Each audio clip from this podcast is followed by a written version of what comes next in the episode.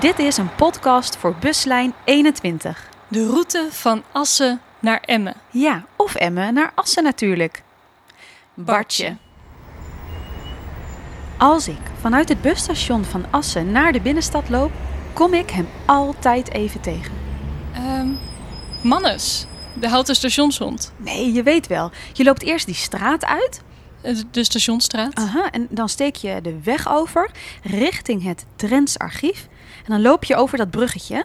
Daar ligt dan trouwens een heel mooi laantje. Ja, eh, het museumlaantje. Ja, en daar aan je rechterhand, daar staat het bekendste standbeeld van Assen. Ja, eh, Bartje.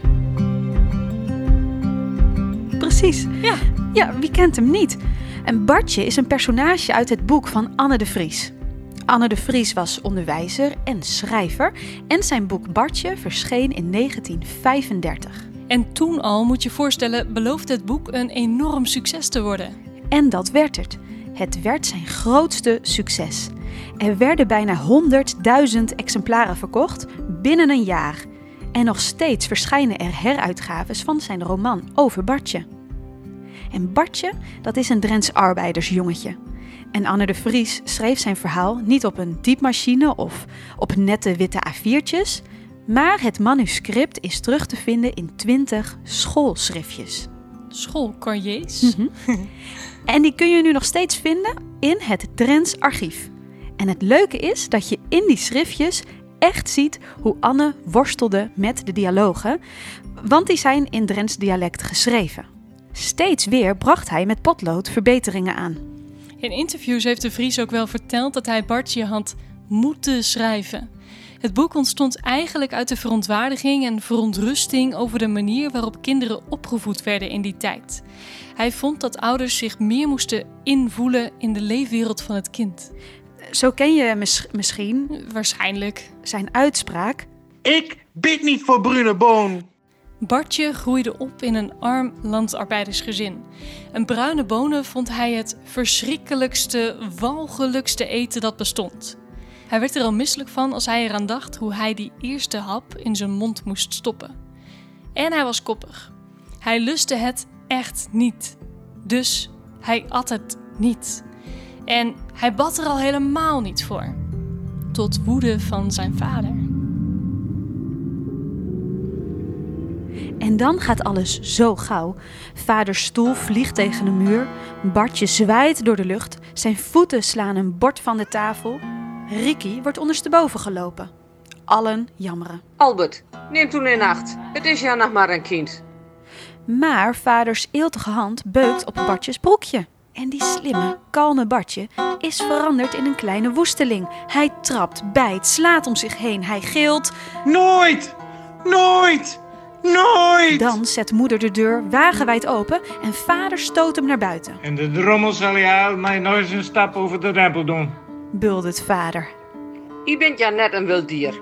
Roept moeder. Zoek dan maar een ander huis op, hè. Wij wilt zo'n stiefkop niet meer hebben. Zo is het. bevestigt vader, verrast door dit nieuwe gezichtspunt. Smeer maar. Zoek maar een ander, vader en moeder. En heb het in het lief dat je weer omkomt.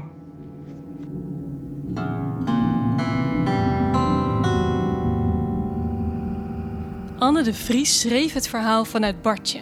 Dus je kijkt vanuit de ogen van een kind naar de volwassenen. De grote mensen. Ja, maar dat is natuurlijk hartstikke moeilijk voor een volwassene. En Daardoor is het een onwaarschijnlijk wijs kereltje geworden in het boek. Hij is hartstikke jong, maar flink bij de pinken.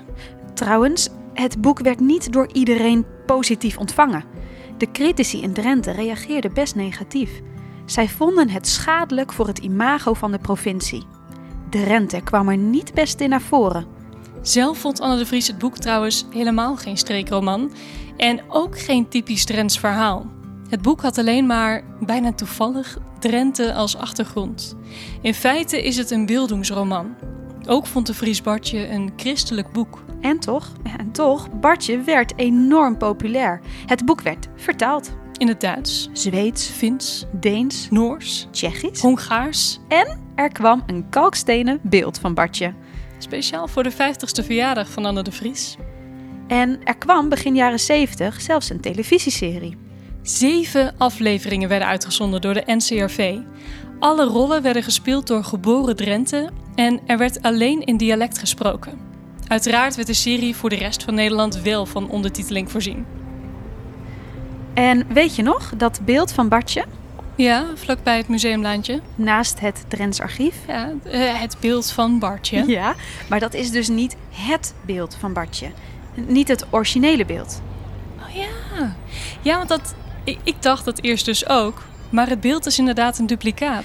Ja, dat kalkstenen beeld, dat had op een gegeven moment ja, zijn leeftijd wel bereikt. Hij verhuisde eerst nog even naar het gemeentehuis en is tegenwoordig te vinden in het Drents archief. Want welk beeld staat er nu dan? Dat is een bronzen vervanger, die overigens nog regelmatig is gejat. Ontvreemd. maar wel weer netjes teruggebracht is. Dat waren namelijk allemaal oudejaarstunts. Gelukkig wordt er goed voor Bartje gezorgd. In de winter heeft hij het bijvoorbeeld ontzettend koud, maar dan krijgt hij altijd keurig een vers gebreid sjaaltje om zijn bronzen nek. Wil je ook eens kijken naar de beelden van Bartje? Oh ja, je kan natuurlijk naar beide kijken. Ja, dat kan met buslijn 21. Wil je meer horen? Op Spotify zijn alle afleveringen van deze buslijn te vinden.